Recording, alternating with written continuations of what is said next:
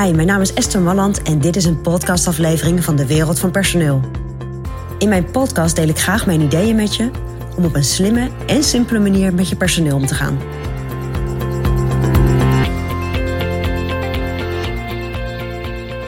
Ja, bijzonder verlof. Wat is dat verlof dat je krijgt als je gaat verhuizen, als je gaat trouwen of als je naar de tandarts of naar de dokter moet? En er zijn ook nog een aantal andere situaties die wat minder fijn zijn. Hè? Op het moment dat er een overlijden is in, in je familie. Dan krijg je bijzonder verlof. En wat is er zo bijzonder aan dat verlof? Dat is dat je weg mag zijn van het werk en dat je gewoon uh, doorbetaald krijgt. Nou, nou denken wij in Nederland dat dat een recht is wat je hebt. Dus op het moment dat je medewerker gaat verhuizen of uh,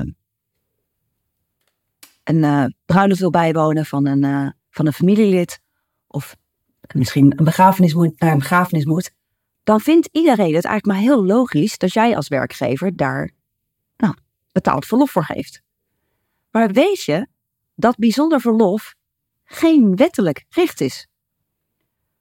Inmiddels hebben we natuurlijk met elkaar een soort van, nou ja, uh, een soort van common sense ontwikkeld daarover. Hè? Dat, dat nou, wat is een beetje gebruikelijk op het moment dat je medewerker uh, een van die situaties heeft.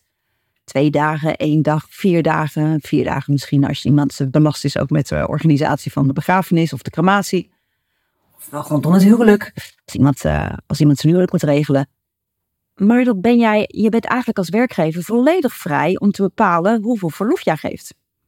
Er is helemaal geen wettelijk recht, dus ook geen wettelijke plicht dat jij als werkgever een x aantal dagen verlof moet geven. Dus dat bijzondere verlof is dus nog bijzonderder. Het is bijzonder omdat je het geeft natuurlijk in bijzondere situaties, maar het is ook bijzonder omdat het helemaal niet vast ligt hoe je dat kan invullen.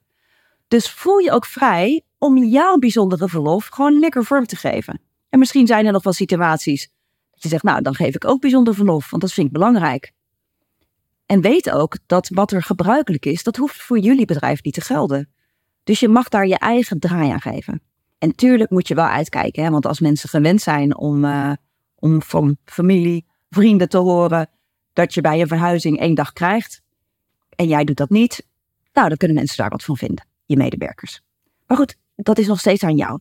Dus dat bijzonder verlof, vul dat in zoals jij denkt dat het goed is. Want dat is jouw recht. Er is geen verplichting. Nou, dat is mijn persoonlijk advies vanuit de wereld van personeel.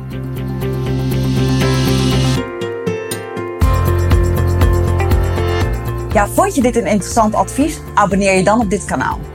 En wil je nog meer van onze gratis adviezen? Ga dan naar www.dewereldvanpersoneel.nl forward slash gratis. En daar vind je nog veel meer informatie. Bedankt voor vandaag voor het luisteren en tot de volgende keer.